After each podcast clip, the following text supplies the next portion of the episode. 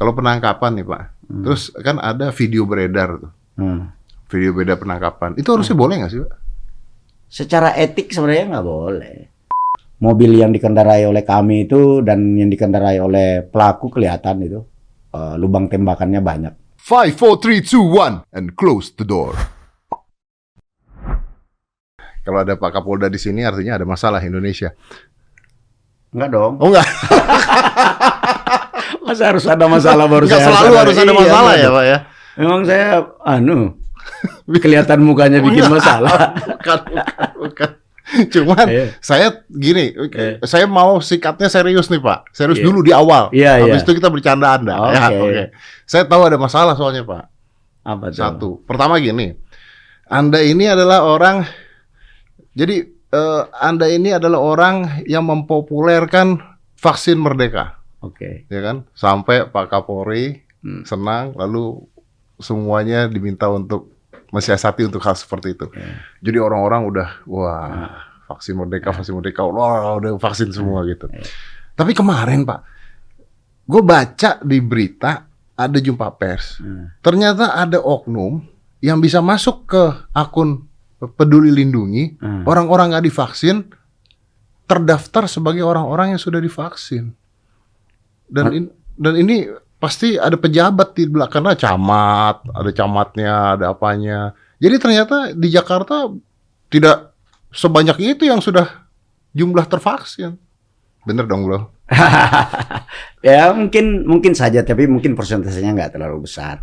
Yang penting kita begitu mendapatkan informasi itu langsung kita tindak lanjuti dan kita dalami modul modul Langsung Iya langsung kita cari sebenarnya seberapa banyak dan seberapa masif model-model seperti itu. Dan kita akan melakukan perbaikan-perbaikan tentunya berkoordinasi dengan eh, pengembang aplikasi beker- berkoordinasi dengan Pemda DKI berkoordinasi dengan pihak-pihak lain yang terlibat agar masyarakat eh, jangan mau untuk menggunakan vaksin eh, apa namanya sertifikat palsu model seperti itu. Karena tapi sertifi- apa apa apa apa untungnya juga untuk masuk mall. Ya kan tapi kan apa untungnya oh di mana mana sekarang kita bisa vaksin Iya, tapi maksudnya mereka cuma mau masuk mall terbang tapi nggak mau vaksin. ya ya Mungkin mereka tidak percaya. ya, justru itu vaksin. yang paling berbahaya ah, sebenarnya karena dengan dia tidak divaksin lalu dia mengaku sehat nyebar. ini iya ini lebih berbahaya daripada eh, kejahatan-kejahatan konvensional lainnya ini kan spreading Ya, ya. virus ini kan Betul, bro. berbahaya eh, apabila tidak diantisipasi. Jadi eh, bukan hanya pemalsuannya sebenarnya, tapi persoalan yang lebih hakiki di situ adalah bagaimana dia kemudian menjadi Penyebar eh, virus. penyebar virus itu. Tapi, bro, mau nanya Ya. nih, yang ditangkap itu adalah si pembuatnya atau pelanggannya juga? Pelanggan dan pembuatnya, dua-duanya kita tangkap. Dua-duanya. Dua-duanya kita tangkap. Jadi orang yang bikin kartu vaksin palsu pun ditangkap. Di- ditangkap dong. Kan menggunakan surat palsu. Oh, oh Yang satu undang-undangnya iya. adalah menggunakan surat palsu. Iya, membantu setidak-tidaknya membantu ya. Jadi dia dikenakan menggunakan surat palsu kalau eh, pelaku melakukan illegal access terhadap sistem informasi yang seharusnya eh, dia tidak bisa kerjakan tanpa melalui me- me- tanpa memiliki kewenangan atau otoritas akan itu. Tapi orang itu punya. Maling lah istilahnya, Maling. maling, tapi ini eh, dengan menggunakan sistem elektronik. Tapi dia bukan hacker. Bukan. Berarti emang dia punya akses. Iya, Berarti pegawai, oknum, pegawai. oknum, oknum pegawai di sebuah kelurahan di daerah eh, Jakarta Utara. Nah, itu. Oh, wih, untung banyak tuh ini. Ya lumayan, satu kartu 300 ribu. Pengakuan sementara sing 93 orang. Ya, Pengakuan ya. sementara. Tapi kan kita nggak tahu ya. Ya kita nggak tahu apakah dia sendiri atau masih ada lagi yang lain-lain yang memanfaatkan model seperti ini. Makanya ini pelajaran buat kita, username, password itu memang harus uh, kita uh, simpan rapat-rapat, hanya digunakan oleh orang-orang yang memiliki kewenangan atau otoritas, jangan kemudian disebarluaskan. Itu yang pertama. Yang kedua, paspor atau uh, password dan username itu sebaiknya kita sering ganti supaya uh, Ah. tidak Di Indonesia itu bro, masih banyak orang-orang bodoh. Mama minta pulsa dikirim, iya iya iya iya iya iya. minta Iya. OTP dikasih. Iya, iya, iya kan? Betul. Nggak ngerti loh saya itu. Masih loh ada orang ngasih begituan. Senang dikasih janji-janji manis. Senang dikasih janji manis, Iya. bener. Iya, Iya. iya. Tiba-tiba Iya. ketipu nggak Iya, polisi. Iya, iya, itu. Pinjaman online. Iya, betul. Itu kan gila. Senang sesuatu yang seo- se- seolah-olah itu akan memberi manfaat, padahal Ah. sebenarnya itu pelaku kejahatan, Pelaku Iya, kejahatan. penipuan banyak itu. Tapi eh, gini bro, kenapa kenapa polisi ngurusin vaksin? Ayo. Tu- Tugas polisi itu di masa pandemi kan di mana-mana. Saya baca buku, saya baca buku, Iya. saya baca buku, saya lihat policing in pandemi namanya, policing di dalam uh, policing in disasters. Ah. Di mana-mana di dunia ini, ketika sedang terjadi bencana alam, tugas polisi itu bukan hanya uh, berurusan dengan persoalan kejahatan. Dan hakikatnya sebenarnya polisi itu adalah pelindung, pelayan dalam konteks kebencanaan maka dia juga harus menjadi pelindung dan pelayan masyarakat. Itu dasarnya Ah. secara uh, filsafat mengapa polisi terjun langsung. Dan dalam praktek uh, di beberapa negara, uh, bukan hanya di Indonesia, di Amerika, di Eropa. Polisi turun tangan? Ya polisi turun tangan. Tentara turun tangan. Tentara turun tangan. Jadi polisi in pandemic uh, realitasnya memang seperti itu. Jadi tidak offside itu itu udah betul. Karena uh, sistem Bukankah itu pekerjaan pemerintah, Menkes, gubernur gitu? ya kan membantu kita. Setelah semuanya running, ya kita kembali ke tugas pokok. Itu sebagai uh, dinamisator lah. Fungsi uh, sejatinya di situ. Tapi ya itu tadi saya katakan sebagai pelindung, sebagai pelayan, sebagai sahabat, sebagai penolong, dia tidak hanya hadir dalam konteks kejahatan, tapi, Tapi kan kerja bro banyak. Ngurusin ormas. ya memang bagiannya yang bagian yang bermasalah bermasalah tadi ya. Makanya di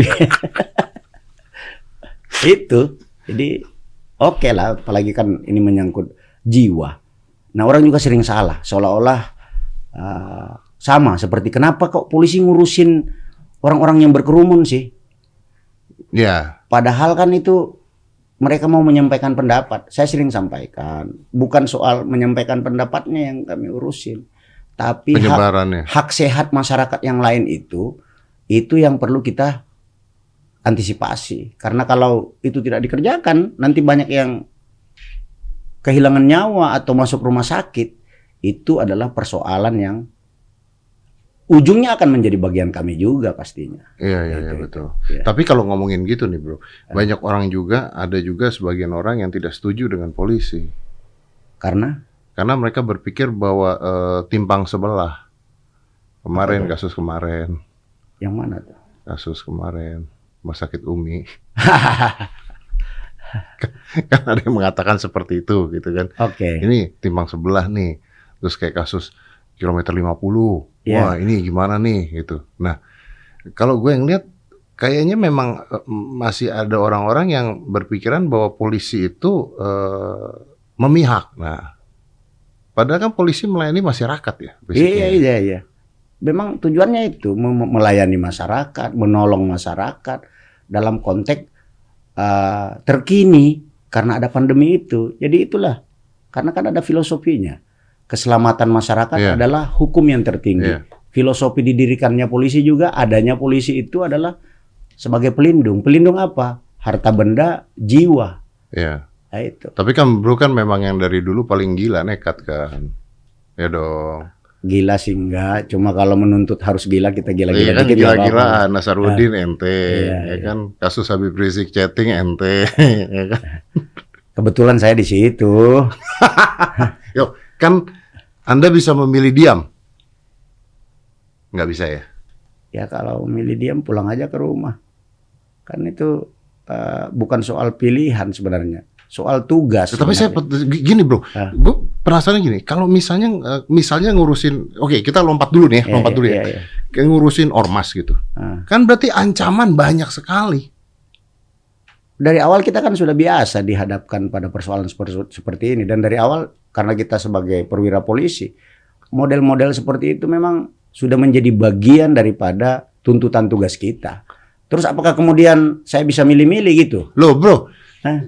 saya pernah lihat ada apalah pokoknya gambar WhatsApp tersebar bahwa Anda diancam dibunuh, dibolehkan untuk dibunuh, ingat nggak? Sangat. Nah. Sering-sering itu. Nah, Sering. makanya gitu kan. Iya sering. Kan bisa aja kalau misalnya emang beneran orang gila sial di jalanan begitu, masa nggak ada takutnya sih? Takut sih bukan bukan takut ya apa ya bahasanya itu. Ya fenomena menjadi polisi kan memang seperti itu. Ketika menghadapi sesuatu yang dalam perspektif eh, kepolisian itu adalah sebuah perbuatan melawan hukum, Heeh. kan kami hadir sebagai penegak hukum. Masa kami biarkan? Terus dia memanggil siapa dong Ah, kalau tidak juga. Ada zaman zamannya ketika ormas-ormas berkuasa polisinya takut. Aduh, apa? Bukan zamanannya. ya ini soal sikap aja sih. Soal sebenarnya. sikap. Soal sikap. Oke, tapi kenapa kenapa kenapa eh, Pak Fadil memilih sikapnya untuk eh, ya kalau itu, itu salah. Ya yang lawan. satu, yang satu menurut saya kalau sepanjang itu adalah sebuah perbuatan yang secara hukum diatur dan itu melanggar hukum, saya kira ya kami harus turun. apa pun resikonya. Apa pun resikonya, saya kira. Kalau kemudian, ah masalahnya sekarang orang kan melihat aman dan mencari untung. Iya. Kan banyak orang yang sekarang aman nggak, untung nggak. Ya kalau cari gitu nggak usah sekalian jadi polisi. Kan seperti itu. Nah, dalam kondisi seperti sekarang, saya kira pilihan untuk tidak melihat aman dalam konteks pribadi lebih kepada bahwa ini lebih utama daripada yang Hmm. lain karena ini menyangkut uh, negara. Saya kira Hmm. ya harus kita kerjakan. Tapi sebagai manusia nih, ngelihat ada foto, foto ente ditaruh, tulisannya bunuh. Ah, Masa nggak dek gitu? Nggak, nggak juga sih. bukan manusia Anda. Bukan.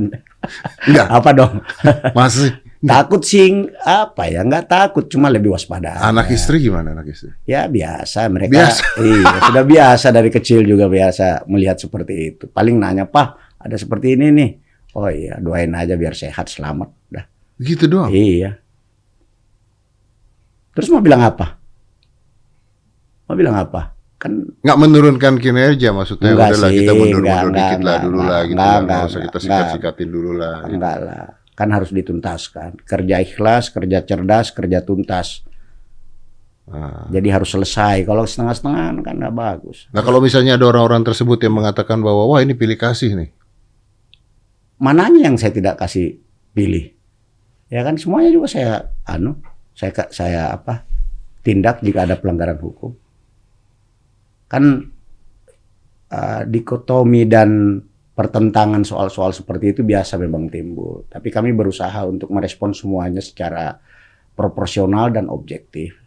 Semua kasus-kasus yang terkait dengan ormas apa saja preman apa saja tindakan-tindakan yang anti kebinekaan, anti keberagaman, anti kesehatan bersama, semua juga kita kita tindak, nggak ada tanpa melihat latar belakang. Ya, Ya kalau ya itu saya katakan penegak hukum sepanjang itu secara hukum dikatakan sebagai sebuah perbuatan yang melawan hukum, sebagai aparat negara penegak hukum tentu kamu harus Berarti tampil. berarti base-nya adalah Pancasila, Iya. Indonesia, NKRI, Iya. Ya kita kan didirikan itu menjaga, menjaga itu. Hmm. Apakah di masa pandemi ini, ini kan pandemi, masyarakat Hmm. lagi merasa bahwa PPKM, mereka capek, mereka pengen kerja lagi. Apakah di masa pandemi ini, di luar dari eh, konsep vaksin merdeka Anda yang luar biasa Ya. itu, apakah di masa pandemi ini ada hal-hal yang kita nggak tahu, misalnya aksi terorisme masih banyak, apakah ada nggak keluar? Eh, itu bukan bagian tugas saya, tapi saya selalu berkoordinasi dengan teman-teman itu. Kemarin kan ada beberapa rangkaian eh, kejadian eh, kelompok yang berafiliasi kepada terorisme yang ditangkap oleh Densus. Nah, Ya tetap ada saya kira, karena terbukti kan minggu lalu juga ada beberapa eh, kelompok yang berafiliasi ke ISIS yang ditangkap oleh teman-teman dari Densus 88 minggu lalu. minggu lalu karena ada yang di Jawa Timur, di Jawa Tengah eh, ditangkap oleh teman-teman Den- Densus. Jumlahnya kan tidak sedikit sekitar 18 apa 20. A- Artinya di masa pandemi ini tidak membuat mereka berhenti. Enggak, saya kira tidak. Tetap jalan itu. Tapi kan kita tetap kerja, teman-teman tetap kerja, tetap mem- memonitor. Kita kan harus merawat kebinekaan ini, merawat Pancasila ini, merawat asas negara ini supaya tetap bisa running. Jakarta gimana? Termasuk aman apa? Ya sampai saat ini Termasuk aman atau Anda Aman. amankan terus masyarakat Aman. merasa aman karena polisi mengamankan gitu. aman, aman, aman. Landai, Landai. sejuk. Sejuk karena karena orang-orang tidak tahu bahwa ada kejadian-kejadian ini lalu di- dikerjakan dulu oleh Eh, polisi. Setiap ada penangkapan kan selalu dirilis. Cuma kan langkah-langkah Densus sekarang kan teman-teman itu lebih kepada upaya-upaya preventive strike. Jadi Sebelum eh, kejadian. sebelum kejadian bagaimana caranya supaya informasi-informasi intelijen semua bisa masuk. Antisipasi itu jauh lebih utama dibandingkan dengan penegakan hukum. Jadi sebelum timbul korban itu yang dilakukan oleh teman-teman. Walaupun di Makassar ada kejadian yang yang beberapa bulan lalu Ah. itu mungkin di luar daripada kontrol daripada teman-teman. Tapi upaya-upaya untuk pencegahan dan monitoring dari Densus saya kira cukup maksimal. Capek. ya? Bukan capek lagi. Tapi sudah kami sudah terbiasa dengan model-model seperti itu. Kami sudah tumbuh lahir dan besar dengan pressure dengan eh, rasa ditakut-takuti dan sebagainya. Bukan berarti kita tidak takut dan sebagainya, tapi kita lebih waspada aja, meningkatkan eh, kewaspadaan, mencegah supaya tidak timbul masalah-masalah, menjadi korban dan sebagainya. Hmm. Kenapa, kenapa, kenapa, kenapa masih muncul orang-orang kalau dari sisi kepolisian, brother, kenapa masih muncul orang-orang yang anti dengan NKRI atau dengan Pancasila? Saya kira eh, pertarungan-pertarungan Politik. ideologi di dunia ini kan tidak pernah berhenti. Residu-residu dari eh, pertempuran dan eh, persaingan ideologi yang ada di luar pasti akan masuk juga ke kita. Nah, Nah ini yang harus kita sadari bersama bahwa ideologi-ideologi tersebut eh, tidak sesuai dengan apa yang eh, kita anut. ya, at- atau senjata politik juga bisa ya sebenarnya. sejauh ini saya lihat eh, relasi dengan eh, politik kalau kita berbicara dengan partai politik tidak ada. Ini benar-benar murni kelompok-kelompok orang yang mau- dengan ideologinya sendiri ingin eh, menerapkan di negara kita. Gitu. Oke. Kalau persoalan lain, apakah memiliki korelasi dengan partai politik sampai saat ini saya tidak, saya tidak melihat itu. Nggak ngeliat itu. Iya. Nggak ngeliat itu atau partai politiknya nggak mau ngomong. Saya kira enggak lah kalau ada yang begitu pasti akan mudah untuk dideteksi itu. akan mudah. Jadi kelompok saya bukan bukan pakar di bidang terorisme. Iya, iya, iya. Ada teman saya lagi di Densus 88 yang bisa menjelaskan itu. Secara kelembagaan apakah ada yang terlibat atau tidak itu mereka yang paling tahu lah itu. Iya, iya, iya, iya. saya paham sih. Iya. Nah, kalau vaksin nih, vaksin Iya. kemarin vaksin yang yang yang bodong. Ya, Kemarin kan ada vaksin yang disuntikin tapi katanya nggak ada apa-apanya tuh. ya, kosong. Kosong tuh. Ya. Nah, itu ditangkap nggak? Eh, Karena beritanya keluar dimaafkan. memang dimaafkan. Jadi eh, setelah kita dalami eh, secara kejadian sebenarnya, apa sih sebenarnya yang terjadi ketika terjadi vaksinasi massal di Pluit itu? Ternyata ada yang bagian mengambil Oh. dari eh, ampul dari Ampulnya, vialnya ha. itu, kemudian ada yang Nyuntikin. menyuntikkan. Menurut vaksinatornya itu karena dia yakin betul bahwa temannya sudah mengisi, Oh. lalu dia begitu jarum suntiknya sudah dia masukkan, dia baru sadar bahwa ternyata tidak ada isinya. Persoalannya karena dia tidak mendeklar bahwa ini ada kesalahan. Itu. Dia tidak ngomong pada saat Iya, itu. tidak ngomong kepada si siswa kebetulan ibunya hadir di situ dan memvideokan. Itu Tapi kan tapi kan kalau jarum suntik sebelum kalau tidak diisi tidak ketarik, Pak. oh iya, Iya dong. iya, betul, iya, betul. Nah, itu yang sedang kita itu yang kita dalamin bahwa mengapa itu terjadi. Betul. Mengapa itu terjadi? Alasan dia dia capek karena dia menyuntik 300 orang. Apa? Dia mengisi 300. Itu. Oh, ada hukumannya nggak? Eh, secara undang-undang kesehatan kan harus ada akibat bagi si korban.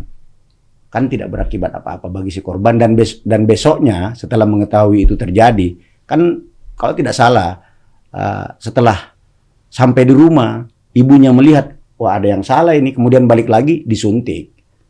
Jadi itu yang menjadikan mengapa kemudian uh, dari pihak uh, Hmm. keluarga itu memaafkan. Tapi tetap diringkus dulu sama Tetap, polisi. tetap, tetap kami tangkap, uh, kami uh, proses, uh, namun karena sudah ada Damai. uh, kedamai saling memaafkan di antara keduanya.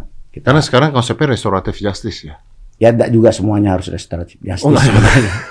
kan ada tidak tidak semuanya harus kan restoratif tidak, justice. tidak, tidak. Kan ada beberapa prinsip-prinsip uh, sebuah perbuatan pidana bisa diselesaikan di luar jalur uh, criminal justice.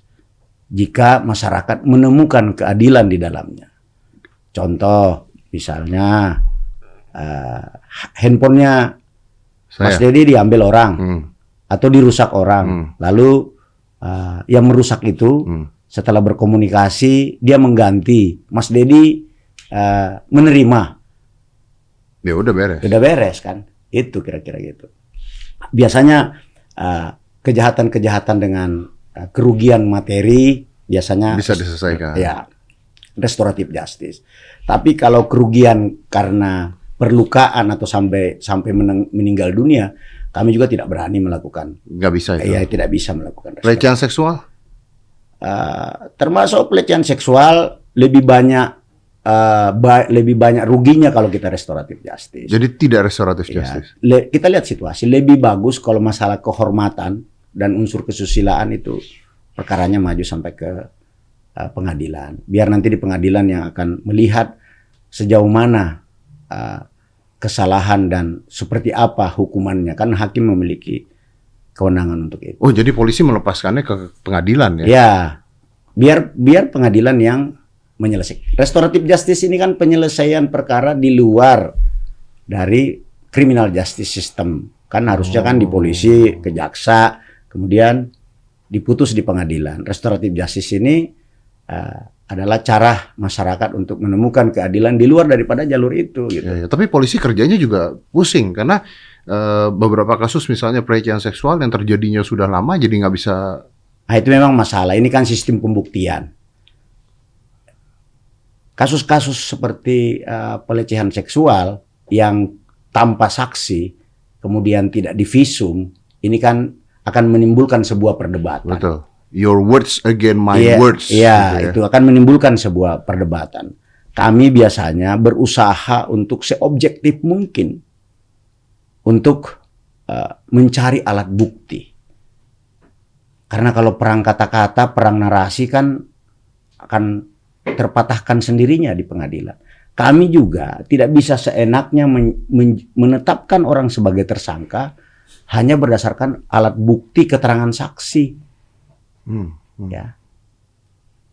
Walaupun saksinya banyak, kan harus ada alat bukti alat bukti yang lain. Iya, karena saksinya banyak juga bisa orang-orang dia semua juga. Ya, gitu. Oh. Itu. Itu Mas Dedi. Jadi itu biasa menjadi persoalan tersendiri ketika kita menghadapi kasus pelecehan seksual. Waktunya sudah lama, apalagi korbannya anak-anak misalnya. Oh, iya, iya. Korbannya anak-anak. Kan sulit berbicara. Banyak kasus yang biasanya dilakukan oleh biasanya terjadi antara anak dengan pelakunya lebih tua atau orang yang memiliki kuasa terhadap Hmm. orang yang ada di bawahnya. Setelah kemudian beberapa waktu baru dilaporkan. Ini yang sering terjadi persoalan dalam pembuktian. Walaupun kita memiliki niat yang kuat untuk membawa dia, tapi kan kita juga dikontrol oleh Hukum. kejaksaan. Jaksa teman-teman jaksa kan men- Buktinya men- mana? meneliti seberapa kuat pembuktian kita karena teman-teman jaksa nanti yang akan melakukan penuntutan, menyusun dakwaan dan sebagainya. Berarti tidak tidak sedikit misalnya. Ya, ini yang perlu kita jelaskan ke masyarakat.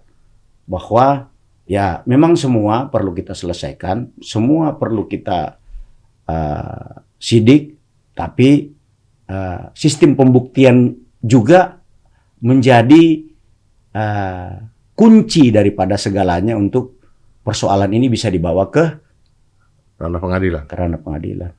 Itu.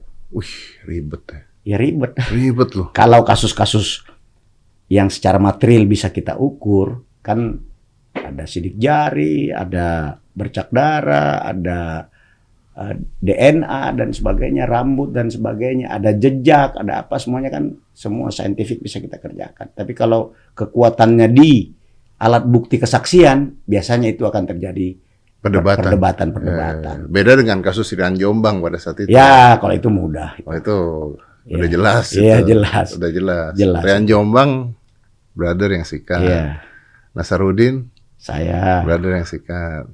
Apalagi Nasarudin, Rian Jombang, Babe itu yang mutilasi anak itu. Babe yang mutilasi Iya, anak. Iya, iya, iya. ada yang sikat juga. Ya, kelompok-kelompok pengedar narkoba, kelompok preman banyak Kelompok lah. pengedar, Ya, eh pengedar narkoba nih mau tanya iya, nih. iya. Kenapa kalau orang tertangkap narkoba, terus jumpa pers, polisinya pada bawa senjata semua ya? Kan nggak mungkin dilari kan? Iya, iya, iya, bener juga Iya ya. kan? Dia kan nggak mungkin lari kan? Dia kan Iya, iya, iya. nggak mungkin dia, lari gitu. Kalau kalau bandar pasti begitu. Kalau bandar? Iya, bandar. Kalau pengguna, Nggak mungkin. kemarin beberapa artis pengguna kan ditangkap kalau lagi jumpa pers, polisinya bawa senjata laras panjang semua tuh. Yang artis mana? Banyak pak. Oh, Coki iya. kemarin gitu. Bawa, bawa senjata laras Bawa panjang ya? senjata laras panjang. Gue mikir, anjir mau senjata laras panjang serem banget gitu. Beneran pak. Ya mungkin takut kabur kali. Ya pasti dibedil. Karena mungkin dia kabur Iya, iya, dibedil iya. juga kan Pak. Nanti saya perbaiki ya. Oh, iya, iya, Iya. betul. Kalau bandar oke lah. Kalau bandar oke lah karena Tapi kalau kan- pengguna tidak perlu lah ya. Iya jadi serem Iya, Pak iya. saya ngeliatnya Pak. Saya nggak pakai nyer serem Pak lihatnya Pak. Iya, iya, oke. Wih, tapi keren juga nanti saya perbaiki Iya, luar biasa loh. Oke, tapi kalau kasus kayak kasus chatnya Iya. Habib Rizik, Itu kan masih dalam proses penyidikan lah. bukannya udah di stop Pak? Masih proses penyidikan. Masih? Masih, masih. Masih jalan terus? Masih jalan terus. Biar aja itu. Itu kan saya tidak ingin mengomentari sesuatu yang eh, Udah di luar Masih. ranah ya? sa- itu. Yang kedua ini kan dalam proses Iya, iya, eh, iya. penyidikan. Biarkanlah nanti apa mekanisme criminal justice system berjalan. Oke. Jadi kita jangan mau membangun opini di luar daripada mekanisme itu. Ah, Biarkan nanti keadilan itu bisa diperoleh secara maksimal iya. melalui jalur itu. Tapi ada satu hal nih Pak. Iya. Ini penting saya tanya. Kenapa Pak Fadil ini sebagai Kapolda Metro Jaya, Hmm. ya, yang wah pokoknya kinerja Anda udah kebaca lah di mana-mana gitu ya. Mau diakui tidak diakui kita tahu lah kinerja Hmm. Anda gitu.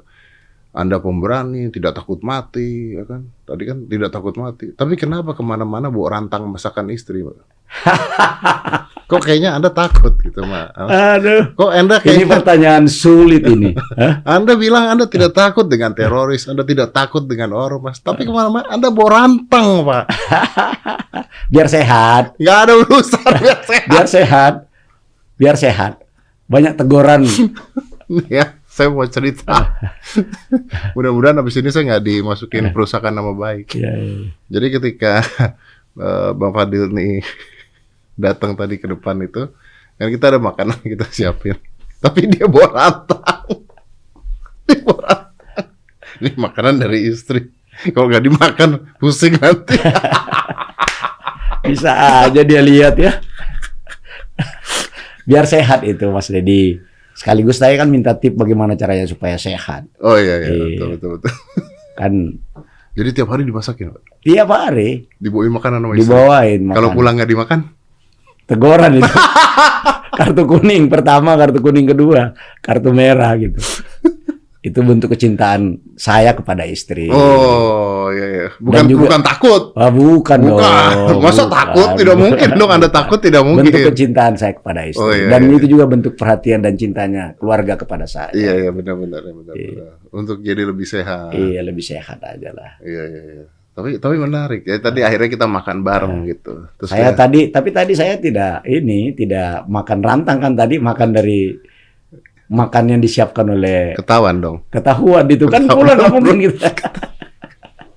Ketahuan dong. Oh kalau sekali sekali nggak apa-apa. Oh, iya kan? Apalagi alasannya Dijamu. wajar. Oh oh. Iya, Oh. dijamu. Oh, iya. Dan enak lagi. Enak lagi.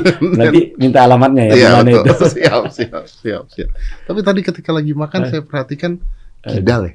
Saya kidal memang. Dari dulu lebih percaya kalau menggunakan tangan kiri. Kidal atau terbiasa tangan kiri? Kidal memang saya. Semuanya saya beraktivitas itu dengan Nembak? tangan kiri. Kiri, Nembak dengan tangan kiri. kiri. Bulu tangkis tangan kiri, motong sesuatu tangan kiri. Memang kidal dari sononya. Dulu sebenarnya nulisnya kiri. Cuma sama kakek saya sekarang nulis kanan. kanan. Cuma Bisa, bisa kanan. Bisa kanan. Kiri bisa sekali-sekali, tapi sudah tidak terlatih lagi. Saya SD di di di diperintahkan supaya menggunakan tangan kanan. Kenapa? Oh, karena Ya, tidak wajar pada saat itu. Tidak wajar pada saat itu. Ya, kalau sekarang orang kidal Iya, pinter biasa, gitu kan. Iya. Jadi tapi untuk hal-hal yang sifatnya menggunakan tenaga saya pasti menggunakan tangan kiri. Kalau menggunakan tenaga sifatnya menggunakan tangan kiri. Iya. Kalau saya bekerja menggunakan apa? Iya, iya. Yang butuh power, butuh tenaga, Iya, saya saya pakai tangan kiri. Oh, berarti orang kidal itu maksimal powernya di kiri. Ya pastilah. Oh. Suruh pakai kanan ya nggak bisa dia. aneh. ya nggak nyaman aja nggak bisa ya sama seperti anda kanan Iya, saya iya, suruh pakai seperti- tangan kiri Iya, iya, betul, Iya. betul, betul, betul. Iya. Nah, kan orang-orang mengatakan kalau orang kidal tuh pintar, Pak. Bener nggak tuh, Pak? wah itu anu saja itu apa namanya marah yang tangan kanan nanti itu nggak betul itu Ya, katanya orang-orang kidal tuh lebih kreatif. nggak juga lah sama aja lah Wah. sama aja lah. Anda kan sudah polisi, ngapain main aman? Soalnya saya banyak teman-teman saya yang Iya. kidal, mereka lo- jauh lebih kreatif dibandingkan orang-orang dengan tangan kanan. ya mudah-mudahan saya juga lebih kreatif lah daripada yang tangan kanan Oh iya iya iya, iya. kata-katanya mudah-mudahan ya kan biar biar aman. Padahal udah polisi, Kapolda pula main aman tapi main aman. Oke, Bro, mau tanya nih. Eh menjalankan tugas sekarang ya kan. Saya ngikutin karir eh, brother nih. Akhirnya jadi Kapolda Metro Jaya. Ya. Kapolda Metro Jaya itu tahun 2000 2000 berapa ya? Eh, 2020. 2020. bulan November Bukan 2019 ya? 2019 itu oh, saya di saya di Jawa Timur Iya ya. Dan dan dan dan lu kan cyber pertama kan? betul dir dir cyber pertama Dir cyber pertama kan? ya, dir cyber pertama Wih, jadi cyber pertama kali yang buat tuh dia. Ya, jadi Presiden Amerika boleh banyak, tapi semua orang tahu Presiden Amerika yang pertama itu siapa. Wih, Presiden Indonesia banyak. yang pertama Yang pertama pasti orang kenal. Bung pasti orang Karno. kenal, Iya. betul. Iya. Betul betul. Dir cyber. Ya mudah-mudahan seperti itu nasibnya. Iya, dir cyber pertama terus Kapolda. Iya. Nah, gini. Begitu Anda jadi Kapolda, pandemi. Saya Kapolda pandemi. Bener dong? Iya betul. Bener kan? Iya. Saya tuh suka ngobrol dengan eh, eh, eh, pejabat-pejabat para menteri gitu. Saya ngomong berkali-kali berapa kali Pak Nadiem Makarim itu kesian. Begitu jadi menteri pendidikan merubah konsep pandemi kacau semuanya bubar gitu kan. Nah, Kapolda begitu jadi Kapolda Metro Jaya pandemi. Ini kan sesuatu yang Anda nggak pernah pikirkan dong.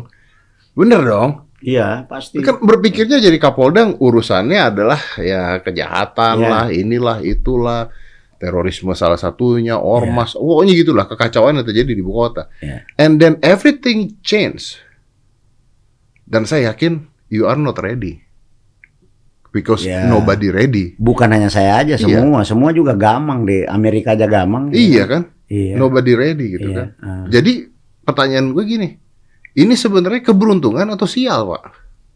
Ini malah sarana untuk belajar kalau menurut saya. Salah untuk belajar. Belajar. iya. Musuhnya nggak kelihatan loh. Ehm,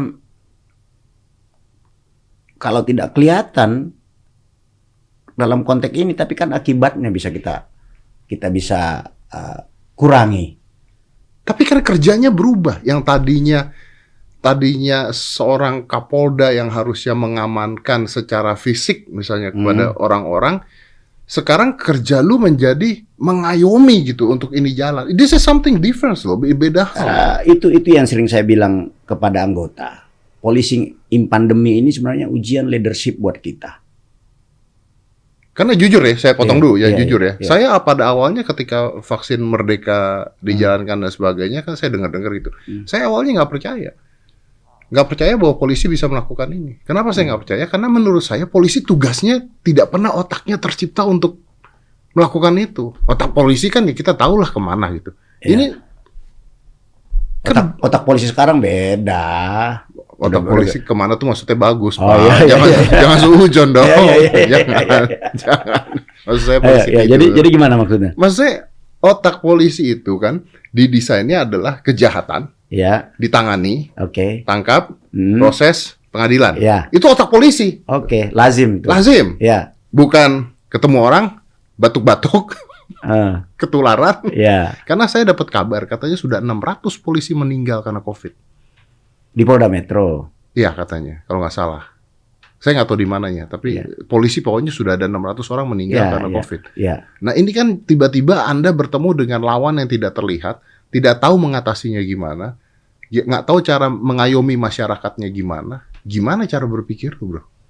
Jadi gini, tadi saya dari awal sudah saya sampaikan Ah. bahwa uh, policing in disasters, polisi dalam uh, menghadapi bencana itu sudah sering kita kerjakan. Ya, seperti tsunami, gempa bumi, apa semua itu kan Bencana beda. Iya, iya, iya, iya. Dan kemudian ada namanya bencana non alam. Ah, Itu kan natural disasters. Ah. Kemudian ada sekarang uh, bencana non alam yang berasal dari virus COVID-19. betul. Nah, ini kemudian menjadi pandemi. Dan ini situasi yang harus kita hadapin. Nah, dalam konteks itu sebenarnya eh, masih related karena hakikat berdirinya polisi itu adanya polisi sebagai pelindung pelayan yang saya sampaikan tadi. Betul. betul. Persoalannya sekarang adalah kan beda dengan I- itu yang biasa dihadapi. Benar. Nah, mengayominya benar. iya, men- melindungi Heeh. Nah, dalam konteks itu sebenarnya polisi sudah terbiasa dengan namanya to solve the problem. Oke. Problem oriented policing. Polisi sudah ber- terbiasa melaksanakan kerja kolaborasi namanya kolaboratif policing. Kan ini polisi tidak kerja sendiri, Bro. Ya toh? Iya iya iya, iya dengan nah, di situlah, dengan- ya di situlah kemudian eh, fungsi polisi sebagai katalisator, fungsi polisi biang his job itu terjadi karena dalam praktek memang harus seperti itu. Jadi kalau eh, Mas Dedi agak sedikit, ini kan sesuatu yang tidak biasa. Tapi Hmm. sebenarnya peran-peran seperti itu eh, kalau kita telusuri secara filsafat, secara hakiki tugasnya polisi itu menjadi bagian. Karena kan toh sejatinya melindungi jiwa Iya orang. betul. Tapi tapi secara terapan bukan terapan yang anda pelajari di eh, PT IKA. Ya, problem oriented policing itu is not about crime. It's And about social problem, social problem. Really? Sos- iya. Kita ini sudah terbiasa mentransformasi sesuatu yang jelek. Kayak contoh narkoba, jangan Anda melihat bahwa itu adalah sebuah kejahatan narkoba semata yang di dalam pasal undang-undang narkoba dilarang. Itu kan sebuah deviant behavior, perilaku yang uh, tidak betul Iya. untuk kita betulin. Kan kalau nangkapnya saja selesai itu. Tapi bagaimana kemudian sesuatu uh, perilaku yang salah ini kita perbaiki? Itu sebenarnya menjadi hakikat kerjaannya polisi sebenarnya. Ya toh? Sama dengan orang begal. Kan kalau cuma menangkap begalnya simple. Tapi mengapa dia menjadi begal? Nah, Itu, Itu bukan yang- urusan polisi. Nah, urusan polisi dong. Tapi tidak sendiri. Kausa kejahatan namanya di polisi. Oke. eh, Ya, jadi Kalau misalnya ada begal nih nangkap Ah. nih, terus apa yang anda lakukan? Anda, ah, tangkap. biasa biasa kan kita tanya dia, kenapa kamu menjadi penjahat? Ah, nggak Ada punya- ada beberapa macam faktor yang menyebabkan orang menjadi begal misalnya. Iya, Misalnya itu merupakan asosiasi daripada budaya kekerasan yang ada di lingkungannya. betul. Satu. Yang kedua, itu mungkin karena Ekonomi. ekonomi, Ya. itu karena uh, ketergantungan narkotika. Ayo. Hampir seluruh pelaku begal itu kalau dicek urin pasti pengguna narkoba loh. Jadi dia butuh duit buat beli narkoba. Jadi persoalan mendasarnya sebenarnya uh, dia menjadi pengguna narkoba itu se- dari sebuah uh, persoalan sosial, sosial problem. Iya Ya benar. itu toh. Jadi Iya. jadi Tapi kan tugas polisi adalah menangkap. Nah ini yang Kang Deddy belum nyambung berarti Mas Deddy belum belum nyambung. Saya akar dulu- akar persoalannya sekarang namanya polisi bukan lagi hanya melihat polisi is not about law enforcement, maintain order. Then what you do with the begalnya? Ya tetap di proses pidana, tapi kausa kejahatannya harus kita perbaikin. Sama dengan pandemi, orang tidak bo- boleh ada korban dalam bentuk eh, kasus positif, tapi polisi berusaha menyelesaikan mengapa kasus itu muncul karena mobility, Oke, ya tahu? oke. Karena kerumunan. Ya, Oke. itu bisa di stop. Nah itu kan eh, model-model seperti itu sudah biasa dan sering kami kerjakan. Hmm. Mudah-mudahan dengan penjelasan saya ini paham, paham. paham ya. Saya dulu di PT IKA juga, Pak. Iya, iya, iya. Cuma- cuma- ilmu kebatinan. Apa? ya PT IKA Oh, dulu. perguruan tinggi ilmu kebatinan Iya, ya. bukan kepolisian. Makanya, makanya, makanya banyak ilmu-ilmu ininya ya. Ya, saya tuh ngerti, Pak. Saya Iya, ngerti. iya, Cuma iya. maksud saya tuh gini loh. Ini begal tangkep. Eh, Nah, dia punya masalah dengan keluarga dan ekonomi. ya. Kan bukan urusan polisi untuk mencantuni keluarga dan ekonominya kan. Kan menyelesaikan akar persoalan di, di tempatnya itu. Itulah yang namanya policing in modern era sebenarnya sekarang. Jadi polisi tidak bekerja lagi di puncak persoalan.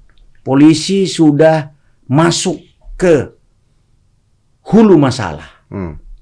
Itu. Sekarang itu.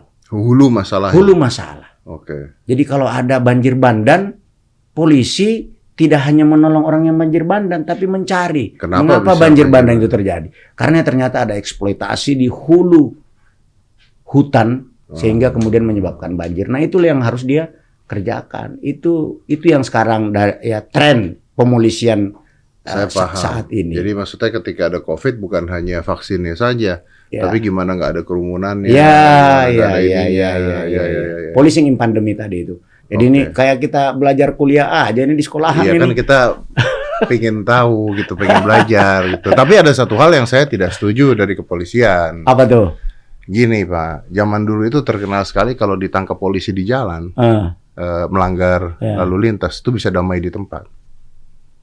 Menarik memang itu. Iya kan? Menarik ya. Nah sekarang sudah ada ETLE, etle. ya. Nah itu Electronic Traffic Law Enforcement. balikin lah Pak.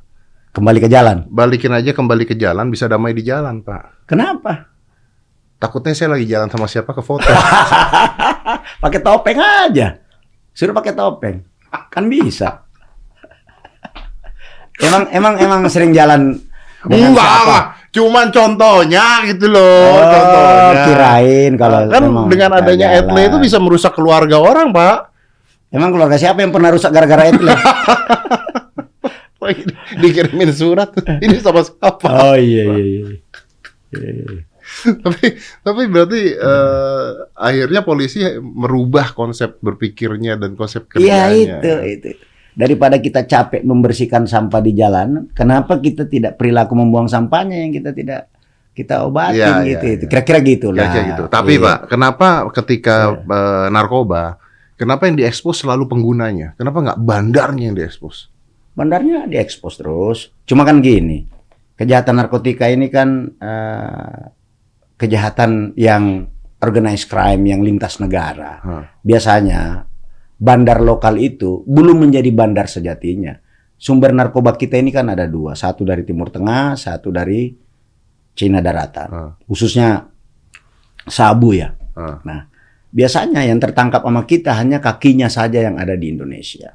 Tapi sumber barang itu yang dari luar negeri Hmm. itu yang uh, Susah. susah kita sentuh. Makanya kita bekerja sama dengan agen-agen kepolisian negara lain untuk mengungkap kasus ini. Susahnya karena mafianya terlalu kuat atau susahnya Ya karena banyak hal, sistem hukum, uh, mafianya juga kuat, mereka kan make money dan betul sebagainya. betul. Mereka Iya, diganggu pasti ngelawan iya, balik kan iya, gitu kan. iya, iya, iya, iya. Ah. Lintas negara, ya. Jadi kalau Trans transnational crime memang perlu uh, kolaborasi dalam menyelesaikan itu. Apalagi dengan era globalisasi seperti saat ini kan semua orang sangat mudah berpindah dari satu tempat ke tempat yang lain. Jadi bandarnya di mana, kemudian orang yang terlibat di dalam negeri kita di lokal kita juga bagaimana. Dia mampu apa namanya menginfluencing orang-orang lokal untuk mendukung kegiatan dia dengan janji-janji dan gaji yang besar Hmm. kan itu. Iya, iya. iya. Dengan janji-janji apabila tertangkap nanti kita akan bantu dan sebagainya. Itu yang menjadi persoalan yang lebih besar. Jadi eh perang melawan narkoba ini memang harus perang perang perang bersama gitu. Ya berarti penggunanya Iya. pun juga harus ada efek Ya, jerah. ya, di lokal seperti apa, di di tataran internasional seperti apa. Iya, tapi kalau eh, Pak Fadil sendiri punya pengalaman nggak? Maksudnya gini, kan dulu kalau pada saat Nasarudin Hmm, Anda tangkap dia, itu kan kejar-kejaran dengan waktu tuh. iya. Kejar-kejaran waktu, diberhentiin jet, stop, Iya. berhenti dulu, ya Iya. kan, naik lagi, terbang Iya. lagi sampai berhasil. Tapi punya pengalaman nggak? Langsung bedil-bedilan sama orang. Saya dulu pernah di eh, Bandung pelaku perampokan nasabah Bank BCA. Waktu itu saya kasat Jatandras kalau nggak Ah, salah di ah. Polda Metro Jaya. Ah. Ada eh, mesin eh, mobil pengantar eh, ATM? ATM Hmm. dirampok di Sleepy itu di BCA Sleepy Mm-mm. sebanyak kalau nggak salah isinya 5 miliar. Hmm. Lalu kemudian pelakunya kita identifikasi dari sebuah kelompok berada di daerah eh, Jawa Barat, Ah. daerah Sumedang itu. Ah. Kita ke sana dan terjadi kontak tembak dengan mereka itu. Terjadi kontak tembak. Iya, di tengah pasar. Di tengah Di pasar? tengah pasar. Tembak-tembakannya di Ya tengah pagi pasar? hari, pagi hari, pagi hari. Iya, mau pagi, mau malam, mau Iya, sore, iya, tembak-tembakan iya, di tengah pasar. Pasar daerah Cipacing itu ya, itu. Nah, sehingga salah satu anggota saya mungkin pernah yang suka itu juga buat channel YouTube Oh, tahu, tahu, Iya. tahu, tahu, tahu. tahu. Sakaria Jack, Ah, Jack, ah, Jack. ah. Itu salah satu korbannya. Ketembak dia. Tembak dia 9 peluru bersarang di tubuhnya. Sembilan peluru. Iya, 9 peluru itu bersama saya. Saya bawa dia ke rumah sakit dengan saya bopong, saya lari sekitar ya ada 600 meter baru menemukan kendaraan lalu saya bawa ke rumah sakit. Untung nyawanya terselamatkan. Pada saat di bedah juga saya tungguin dia. Uh, Berarti nggak kena organ-organ Ah, anu apa? tembus. Eh, Tembus dan nyerempet di ginjalnya. Oh, Tapi oh, masih bisa terselamatkan. Demikian juga yang di paru-parunya sini itu. oh, berarti Iya, dia- untung banget ya. Ya masih untung biasa orang Indonesia masih iya, untung. masih sembilan peluru masih Iya, untung ketembak. Bapak Iya. di sana Saya ada di tempat pada saat itu bersama mereka. tembak-tembakan juga dong? Iya, iya dong. Masa saya nonton Iya kan siapa tahu. Wih, dan pelakunya bisa kita tangkap, bisa kita lumpuhkan. Kita bawa ke Polda Metro Jaya dan ada empat pelaku karena melawan terjadi tembak-tembakan. Setelah kita cek sudah eh, meninggal dunia. merekanya. Iya mereka. Ya karena tembak-tembakan udah nggak Iya, bisa ngomong iya, apa. iya. Itu mobil yang dikendarai oleh kami itu dan yang dikendarai oleh pelaku kelihatan itu eh, lubang tembakannya banyak. Karena memang mereka dipersenjatai sekitar 6 apa 7 eh, pistol eh, otomatis. Menarik itu uji nyali. Iyalah. Ya dan beberapa kali kejadian-kejadian di tempat lain. Tapi pernah ketembak? tidak, enggak pernah kalau saya enggak pernah. Nggak pernah. Enggak pernah. Jangan lah ya. jangan, Janganlah. jangan ya. Iya, iya. Sekarang kemungkinan tertembak lebih dikit dibandingkan kemungkinan kena COVID. Itu yang lebih bahaya malah. Makanya jangan ke mana-mana harus tahu gitu iya, kan ya. harus taat Tiba-tiba protokol sakit, kesehatan. tiba-tiba iya. kena COVID. iya, itu jauh lebih bahaya. Nah kalau kalau misalnya penangkapan nih karena Kapolda udah siapa lagi yang harus ditanya nih. Kalau penangkapan nih Pak, Hmm. terus kan ada video beredar tuh, Hmm. video beredar penangkapan. Itu harusnya boleh nggak sih Pak? Secara etik sebenarnya nggak boleh. Nggak boleh kan? Nggak boleh. Cuma kan siapa yang mau larang masyarakat kalau dia video-video kan? Kalau polisi yang ngambil, Melanggar etik dia. melanggar etika dia. Iya. Apalagi kalau tindakan-tindakan itu eh, menggunakan cara-cara yang tidak baik kan. Kan ada sidang kode etik di polisi biasanya. Oh. kecuali proses-proses dan perizinannya memang itu diperbolehkan gitu. Kasus kasus tertentu. Iya, kasus-kasus yang memang eh, SOP-nya kita memang siapkan untuk kepentingan-kepentingan penyidikan. Kan biasanya ada juga yang eh, biasanya kita kan lengkapi dengan eh, dashcam itu kan. Hmm. Dalam konteks pembuktian dan sebagainya kan gitu kita kita gunakan. Hmm. Kan ada juga yang dari CCTV. Hmm. Tapi kalau polisi yang ngerekam-rekam itu kan Kemarin kan ada si eh, Coki, Bapak tahu Coki nggak sih? Yang komedian itu. ya Yang ketangkep. majelis Majelis apa? Lucu Indonesia. Iya. Kan Nah. ketangkap sabu. Iya. Kan video dia penangkapan kesebar tuh. Yang mana-mana barangnya mana apa segala kesebar tuh. Nah kayak begitu tuh gimana tuh Pak? Yang syuting polisinya. Nggak tahu saya yang syuting siapa. Ya nanti kita cek Kalau kalau yang syuting polisinya? sebenarnya tidak boleh polisi menyebarkan kan, secara etik ya, secara etik itu tidak boleh dia kerjakan seperti itu. Dan biasanya kalau ada komplain dari masyarakat dan kami juga biasanya evaluasi.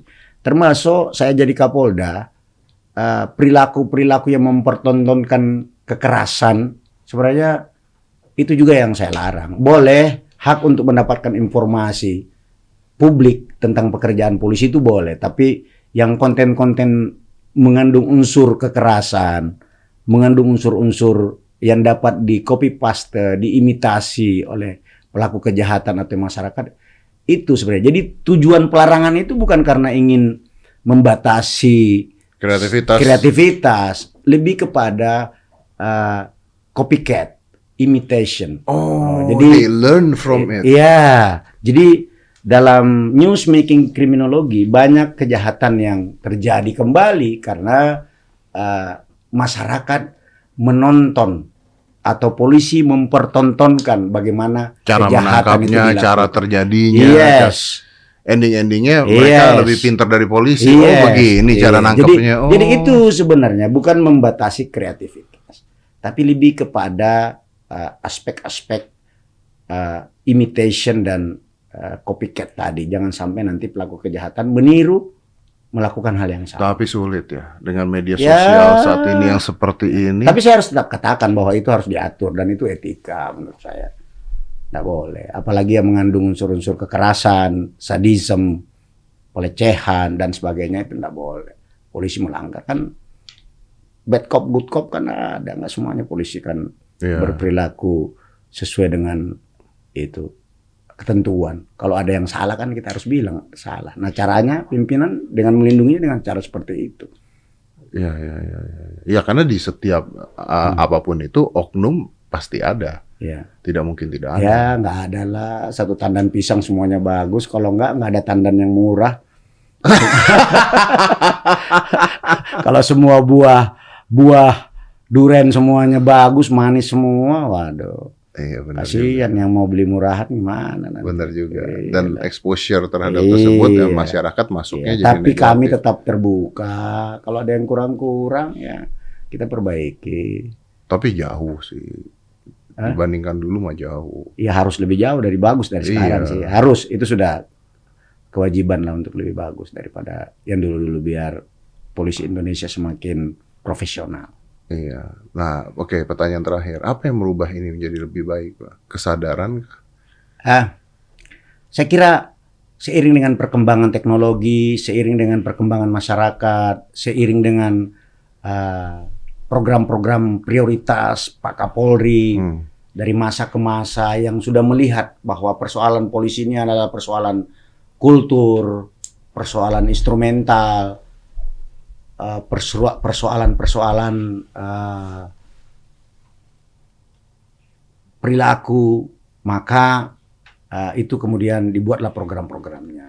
Ya, jika kita ingin tetap survive, tentu kita harus mengikuti perubahan zaman. Saya kira itu. Berarti kritik masyarakat pun di Iya. banyak. Iya, iya. Kita kan tidak bisa melihat secara utuh badan kita. Kita memerlukan eh, masukan dan saran dari masyarakat. Sesungguhnya kritikan itu adalah sebuah eh, apa namanya Iya, iya, iya.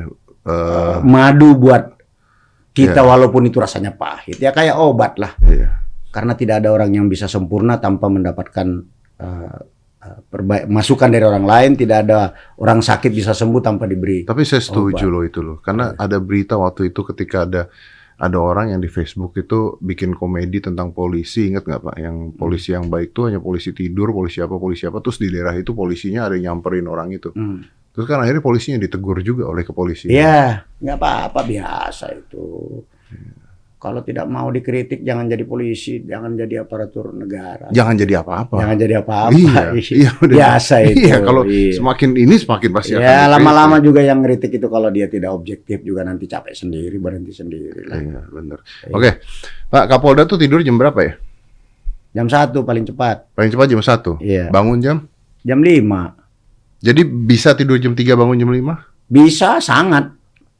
Sudah jadi kebiasaan saya. Jam berapapun tidurnya bangunnya tetap jam 5 Di mobil tidur. di mobil tidur Ya, nyari tidur ada waktu untuk tidur. jangankan di mobil masuk WC pun bisa tidur kita ini kencing lama-lama bisa kayak tidur ya istilahnya kalau mau istirahat itu di mana saja kita bisa beristirahat Artinya eh, di jabatan seperti Anda ini saya kan lihat Pak Jokowi itu, Hmm. Pak Jokowi. Hmm. Makin lama beliau jadi presiden, muka tuh kelihatan makin capek gitu. Kesian gitu. Maksudnya karena banyak yang harus dikerjakan kan gitu kan. oke Artinya dalam keadaan seperti ini, Indonesia pandemi dan sebagainya, Anda mengorbankan kesehatan Anda ya. tapi saya, saya tetap kayak tadi pagi saya tetap jalan pagi Bangun jam berapa jalan pagi? jam 5 kan standar Tidurnya? tadi malam jam 12 Oh, masih dapat lah. Masih dapat, masih iya. dapat. Kalau tidur jam 3 bangun jam 5 Iya, jalan enggak, pagi mah meriang dong, Bro. Iya iya enggak enggak itu itu itu balancingnya adalah kalau besok mau olahraga atau eh, tidurnya telat nggak mungkin saya olahraga paling olahraga mungkin eh, malamnya Hmm. malamnya hmm. ya Oke. Ya. Gue tuh dari tadi mau ngudahin tapi saya masih banyak banget pertanyaan. Eh, terakhir ya, terakhir, terakhir, terakhir. nggak apa-apa Eh, nggak apa-apa ya. Waktu masih banyak. Iya, Oke. iya. Jadi polisi itu menjanjikan nggak? Ayo. dalam konteks eh, ideologis dan harapan sangat menjanjikan Dalam konteks ekonomi. pas-pasan Tergantung dong, tergantung pangkat. pas-pasan ya Tergantung dong. Kalau pas-pasan, kalau gajinya satu juta, kalau belanjanya 2 juta kan pas-pasan itu. Jadi sebenarnya tergantung kita sendiri. Enggak, karena aja. saya dulu pernah protes. apa itu? Saya dulu pernah protes. Saya pernah ngomong juga di podcast saya. Kenapa polisi-polisi di jalan itu bisa damai di tempat? Gajinya kekecilan, gue bilang. Iya. Karena di Brunei Darussalam, Pak. Saya pernah Iya. ke Brunei Darussalam. Polisi polisi di sana, Pak. Gajinya gede banget, Pak. Sebenarnya negara kalau mau ngasih gaji gede polisi, Ah. seben- sebenarnya mau. Cuma Ah. duitnya nggak ada. Bukan duitnya belum nggak ada, belum waktunya dan masih banyak yang lain yang kita kan ini kan bagi-bagi kuenya gitu. Iya, iya, iya. bagi-bagi kuenya dan kan gaji kita ini sesuai dengan kebutuhan minimum Ya kan kebutuhan beda-beda tiap orang. Ya susah lah jawabnya itu kalau itu kembali kepada masing-masing aja pertanyaannya yang lain kayak soal gaji melulu kayak yang lain ditanya Penasaran soalnya. Ah. Soalnya banyak banyak eh, banyak orang mau jadi polisi itu katanya ah jadi polisi gajinya kecil. tapi banyak juga yang mendapatkan aktualisasi diri bukan karena gaji apakah semuanya di- dikarenakan karena gaji kan enggak juga bisa menolong orang bisa ungkap kejahatan Iya. bisa waduh dia polisi ketua RW aja dia ya kan Iya, kebanggaan benar. juga itu Sebuah kebanggaan. Jadi em, aktualisasi aktualisasi diri dan apresiasi sosial yang diperoleh itu kan menjadi sesuatu yang bisa dikonversi menjadi eh, apa namanya ya? ya pride lah ya. Iya pride lah. Bapak pride-nya apa, Pak? Eh, Ketika apa? saya Nah, dari kampung kemudian bisa jadi jenderal, bisa jadi Kapolda Metro itu sesuatu karunia dan rezeki dari Tuhan yang eh, luar biasa bagi saya. Jadi saya bisa menginspirasi buat saudara-saudara saya di kampung bahwa itu memungkinkan. itu memungkinkan buat Anda Walaupun dari keluarga susah, Pak. walaupun dari keluarga susah. Dari mana pun Anda berasal, apa pun latar belakang Anda, mau Anda petani, nelayan, anak pegawai negeri, anak tentara, anak polisi, anak yang gajinya rendah. Tapi kalau Anda mau belajar, disiplin, kerja keras, Bisa. bisa. Kan harus sekolah lagi, sekolah lagi, sekolah lagi, ada duit juga. Kan sekolah. negara sudah memberikan akses untuk bisa sekolah itu. Kan di polisi sekolah tidak perlu bayar. Ya, tapi kan maksudnya kalau mau naik pangkat harus sekolah lagi, sekolah lagi. Ini Kan, kan, di, kan kita tidak keluar duit untuk tapi tidak semua polisi memiliki kesempatan untuk itu kan. Ya itulah namanya merit system di kepolisian. Kan nggak semuanya. Kesempatan diberikan tapi dengan persyaratan. Akses boleh tapi you memenuhi syarat tidak. Kan itu. Makanya integritas, profesionalitas, loyalitas semua harus paralel. Kalau dulu kan katanya dulu zaman dulu Hmm. katanya mau jadi polisi bayar gitu kan. Kalau sekarang sulit, Sekarang sulit. sulit, sangat sulit. Oh. Sangat sulit dengan sistem rekrutmen yang ada sekarang ini sangat Udah sulit. Jadi internet base. Kalau ada yang menjanjikan masuk polisi bayar, pasti itu sudah bohong lah itu. hoak gitu. Itu hoax sudah. Iya udah. Tapi nggak kepikiran ya Pak dari anak STM menjadi polisi itu. eh saya kan STM dong. saya SMA, SMA jurusan fisika. Ah, Saya dulu mendaftar Unhas dan lulus teknik mesin. Ah. Kuliah. Tapi karena saya Kuliahnya apa? teknik mesin, Ya kan nggak nyambung kan? teknik mesin, kuliah, suatu saat ayahanda saya menyampaikan, nak, uang untuk kuliah kamu ini mungkin tidak bisa papa ayahanda berikan secara utuh karena kamu banyak bersaudara. Saya delapan bersaudara. Uh. Nah, ketika sedang kuliah itulah kemudian terbuka pendaftaran di Akademi Kepolisian, Akabri Ah. Kepolisian. Saya ikutlah, lulus. Gara-gara nggak punya duit buat kuliah. Ya, begitulah kira-kira. Pas-pasan. Pas-pasan. ya. Gaji pegawai negeri. Iya, anak delapan. anak delapan. Benar. ya, saya tahu Bagi diri gue. lah.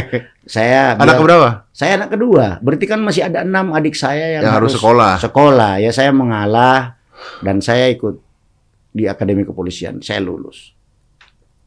Ya jadi seperti sekarang. Ada alhamdulillah adik-adik saya semua lain malah ada yang jadi sarjana teknik, jadi sarjana ekonomi, ja- Jadi polisi cuma ya, satu. saya sendiri. Dan tidak punya turunan polisi. tidak ada. Saya bukan keluarga polisi, tidak ada saudara yang polisi. Oh, gokil. Ya itu. Nggak ada link tuh berarti tuh. Ya boro-boro orang lihat dulu waktu tes di Kodam dulu kan di Kodam Iya. tadi ajen itu tesnya kita ya saya lulus apa enggak tahu-tahu lulus aja itu aja. Jadi sebenarnya kalau kita siap dan kita mampu saya kira kesempatan terbuka apalagi situasi seperti sekarang. Itu, Iya. Jadi intinya kalau kita ngambil eh, dialog keputusannya adalah di semua mimpi ya, Iya. bukan hanya polisi ya.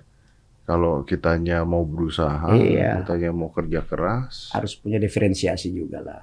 harus harus punya difference. Iya, Ah, Jadilah bunga yang berbeda dari suatu taman. Itu, kata nolong senior ya? saya. Itu Iya. nolong ya. Kalau semuanya anggreknya warna putih kan kita warna merah kan yang dipetik warna merah. Ya, karena- itu kata salah satu senior saya. Tapi dulu. benar, karena ketika kita punya Iya. diferensiasi, kita dilihat. Iya begitu. Kita Tapi jangan- tapi- diferensiasi yang Ya, kiri. yang kiri ya. Iya harus yang. yang baik, yang, Yang positif. baik. Kita dilihat. Ketika Iya. kita dilihat, kita lebih diperhatikan. Kesempatan lebih besar. Ya pasti itu.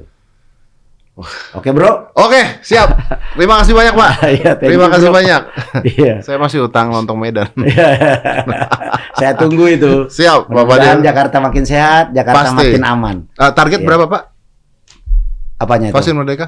Vaksin Merdeka eh, daerah penyangga di September ini 70% kita bisa selesaikan.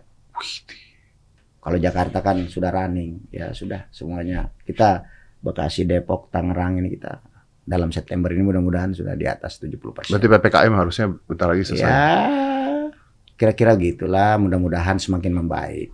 Oke. Baik, saya mewakilkan masyarakat Indonesia juga. Terima kasih buat vaksin merdekanya Oke, bro. karena eh, ya mempercepat ketika semuanya lebih cepat masyarakat bisa bekerja kembali karena Iya. kita nggak bisa bohong nggak bisa tutup mata bahwa mereka butuh makan dan ppkm juga menyusahkan mereka juga iya Iya. gitu jadi ya kita balikin secepat mungkin supaya semuanya bisa kerja lagi dan ternyata polisi berada di belakang ini semua juga untuk Iya. bekerja itu yang mungkin masyarakat kurang paham dan kurang tahu Iya. kita sebarkan itu Thank you. baik terima Terima kasih, kasih. bang Fadil Thank thank you five four three two one and close the door